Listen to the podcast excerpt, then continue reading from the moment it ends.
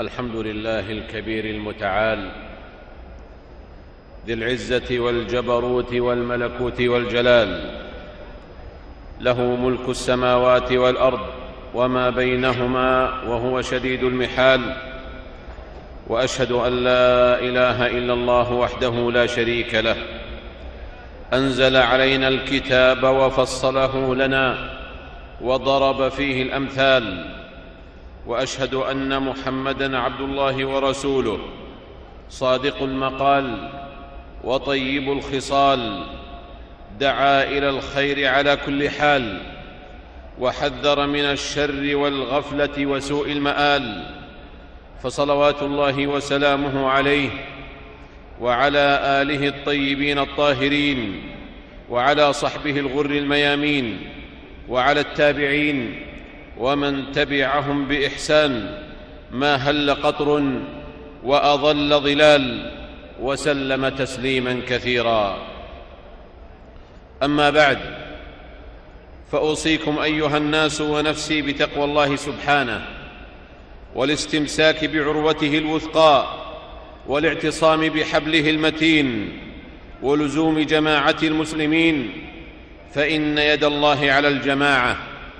وإياكم ومحدثات الأمور فإن كل محدثة بدعة وكل بدعة ضلالة ومن يطع الله ورسوله ويخشى الله ويتقه فأولئك هم الفائزون. أيها الناس إن حياة بما فيها من حضارة ووفرة عيش ينقصها الأمن لهي حياة خداج لهي حياة خداج خداج خداج غير تمام. وإن نوما بلا أمن لهو قلق وأرق. وإن عبادة تفتقر إلى الأمن لهي عبادة مشوشة يكثر الالتفات فيها. لأن البشر لأن البشر قاطبة في حاجة ملحة. إلى أمن يتحقق بما عندهم من إيمان. فإن من آمن أمن ومن أمن نما. ولا حياة مستقرة دون توافر هذا الهرم. الذين آمنوا ولم يلبسوا إيمانهم بظلم أولئك لهم الأمن وهم مهتدون. أي لهم أمن الدنيا والآخرة. الأمن عباد الله مطلب الأمم طرا فلا يزهد فيه إلا من كره الحياة الكريمة إلا من كره الحياة الكريمة ولم يرض بالله ربا وبالإسلام دينا وبمحمد صلى الله عليه وسلم نبيا ورسولا. كيف لا؟ وهو المنة التي توجب على العباد وهي المنة التي توجب على العباد شكر واهبها. بعبادته على الوجه الذي يرضى به عنهم.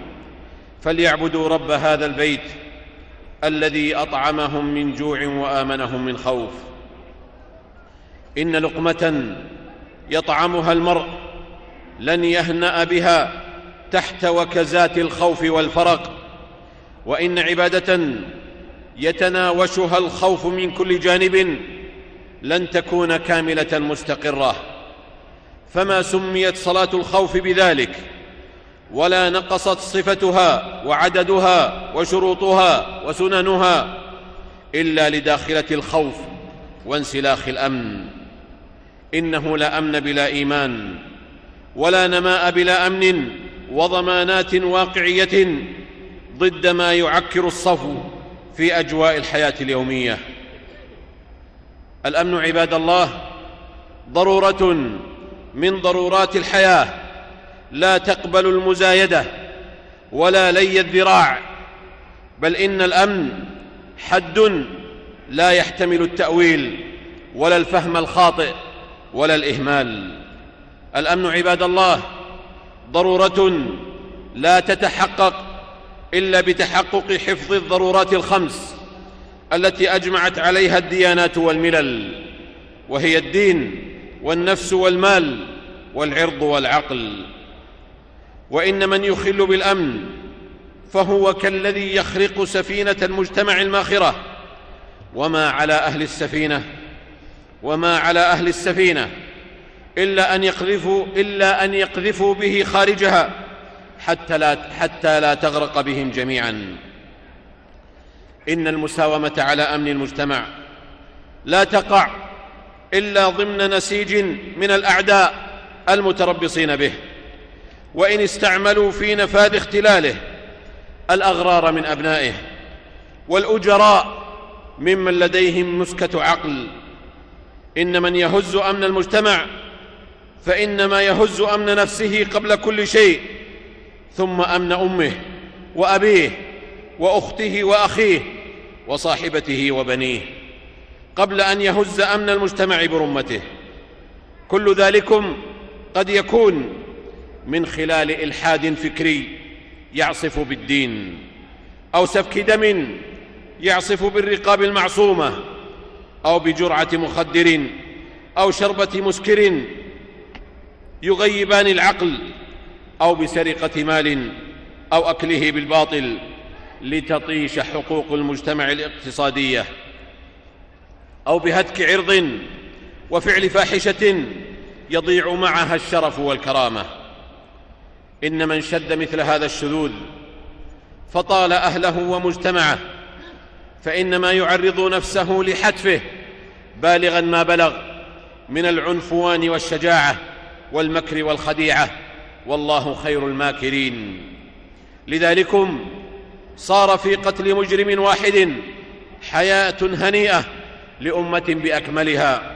ولكم في القصاص حياة يا أولي الألباب. لعلكم تتقون.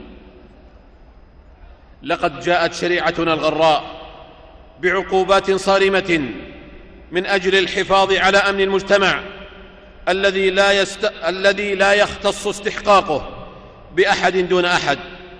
فقطعت كل حبل يفضي إلى التهاون بتلك العقوبات.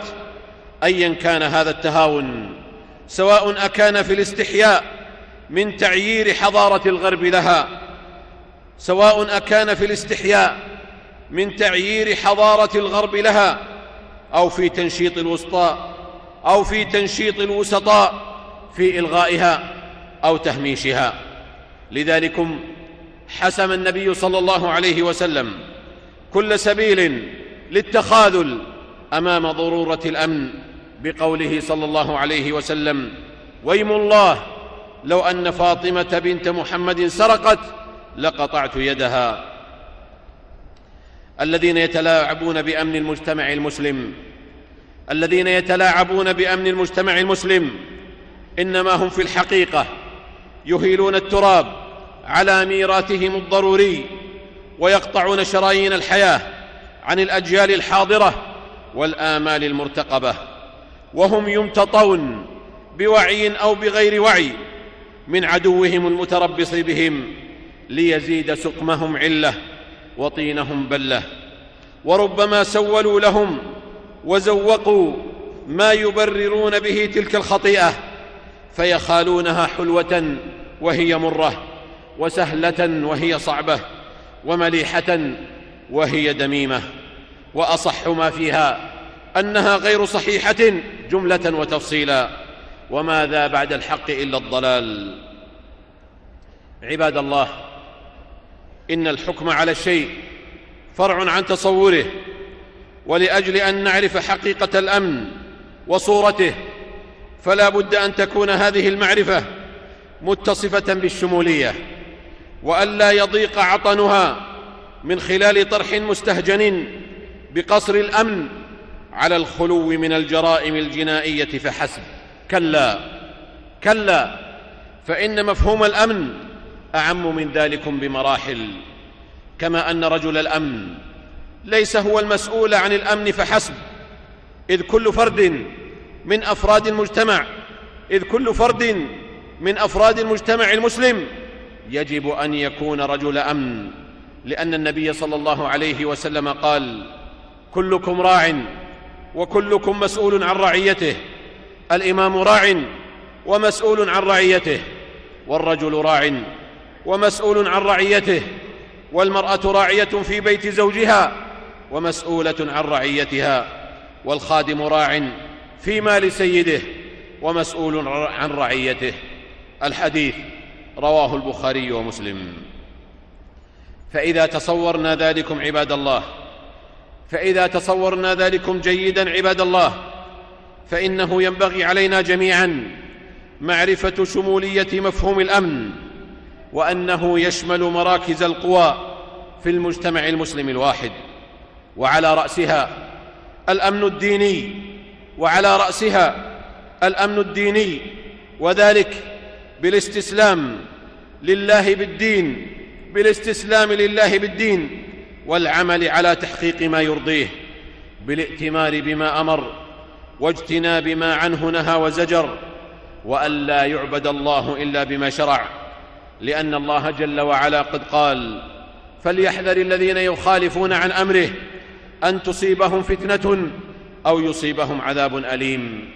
فما حلت الفتن بمجتمع مسلم إلا وثمة خلل في علاقتهم إلا وثمة خلل في علاقتهم مع ربهم بذنوب ارتكبوها أو واجبات تهاونوا بها فما نزل بلاء إلا بذنب ولا رفع إلا بتوبة. إذا رزق الناس الأمان فإنما يطيب لهم عيش الحياة مع اليمن ولا يعمر الأرض المخيفة عامر لأن فساد الأرض من غيبة الأمن. عافانا الله وإياكم. من الفتن ما ظهر منها وما بطن ولا حول ولا قوة لنا إلا بالله العلي العظيم. قد قلت ما قلت إن صوابا فمن الله وإن خطأ فمن نفسي والشيطان. وأستغفر الله لي ولكم ولسائر المسلمين والمسلمات من كل ذنب وخطيئة فاستغفروه وتوبوا إليه إنه هو الغفور الرحيم.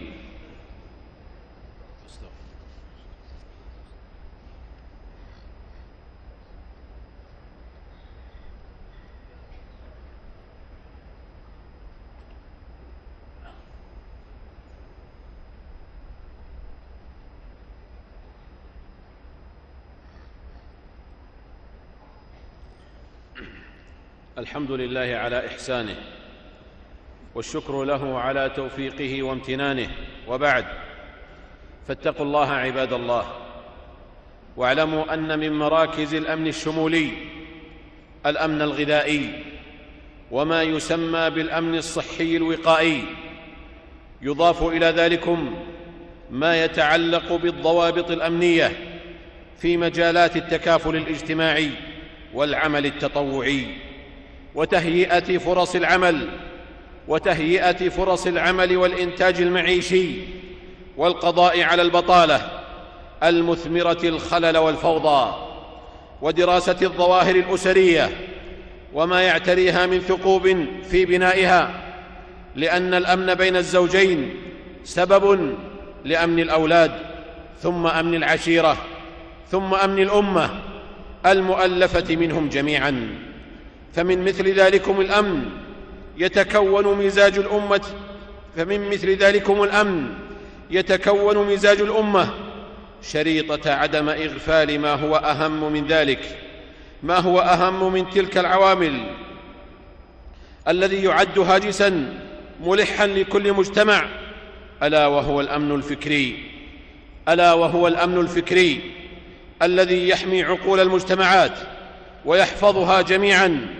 من الوقوع في الفوضى الفكرية بالعب من فكر الشهوات كملهيم بالعب من فكر الشهوات كملهيم أو الولوغ في اتون الانسلاخ الأخلاقي الذي يمزق جلباب الحياء الفطري ويحفظ عقول المجتمعات كذلك من مزالق الغلو والإفراط والتخوض في دين الله على غير هدى من الله ولا هدى من رسوله صلى الله عليه وسلم وخير ما يتوج به حفظ الأمن الفكري عنصران رئيسان أولهما الفكر التعليمي وثانيهما الأمن الإعلامي فكما أن للأموال لصوصا فكذلك للعقول لصوص بل إن لصوص العقول أشد فتكا وأنكأ جرحا من لصوص الأموال.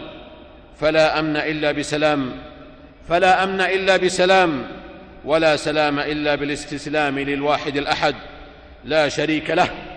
حيث يقول يا أيها الذين آمنوا ادخلوا في السلم كافة ولا تتبعوا خطوات الشيطان إنه لكم عدو مبين. هذا وصلوا رحمكم الله. على خير البرية وأزكى البشرية محمد بن عبد الله صاحب الحوض والشفاعة. فقد أمركم الله بأمر بدأ فيه بنفسه وثنى بملائكته المسبحة بقدسه وايه بكم أيها المؤمنون فقال جل وعلا يا أيها الذين آمنوا صلوا عليه وسلموا تسليما. اللهم صل وسلم على عبدك ورسولك على عبدك ورسولك محمد صاحب الوجه الأنور والجبين الأزهر. وارض اللهم عن خلفائه الأربعة أبي بكر وعمر وعثمان وعلي وعن سائر صحابة نبيك محمد صلى الله عليه وسلم وعن التابعين ومن تبعهم بإحسان إلى يوم الدين وعنا معهم بعفوك وجودك وكرمك يا أرحم الراحمين. اللهم أعز الإسلام والمسلمين. اللهم أعز الإسلام والمسلمين. اللهم أعز الإسلام والمسلمين. واخذل الشرك والمشركين. اللهم انصر دينك وكتابك. وسنة نبيك وعبادك المؤمنين. اللهم فرج هم المهمومين من المسلمين ونفس كرب المكروبين واقض الدين عن المدينين واشف مرضانا ومرضى المسلمين برحمتك يا أرحم الراحمين. اللهم آمنا في أوطاننا وأصلح أئمتنا وولاة أمورنا واجعل ولايتنا في من خافك واتقاك. واتبع رضاك يا رب العالمين. اللهم وفق ولي أمرنا لما تحبه وترضاه. من الأقوال والأعمال يا حي يا قيوم. اللهم أصلح له بطانته يا ذا الجلال والإكرام. اللهم أصلح أحوال المسلمين في كل مكان. اللهم أصلح أحوال المسلمين في كل مكان. اللهم ألف بين قلوبهم واجمع كلمتهم. اللهم شتت شمل عدوهم يا ذا الجلال والإكرام. اللهم ارحم إخواننا المستضعفين في دينهم في سائر الأوطان. يا ذا الجلال والإكرام. يا حي يا قيوم. اللهم أنت الله لا إله إلا أنت. أنت الغني ونحن الفقراء. أنزل علينا الغيث. ولا تجعلنا من القانطين. اللهم أنزل علينا الغيث. ولا تجعلنا من القانطين. اللهم أنزل علينا الغيث. ولا تجعلنا من القانطين. برحمتك يا أرحم الراحمين. اللهم لا تحرمنا خير ما عندك بشر ما عندنا. يا ذا الجلال والإكرام.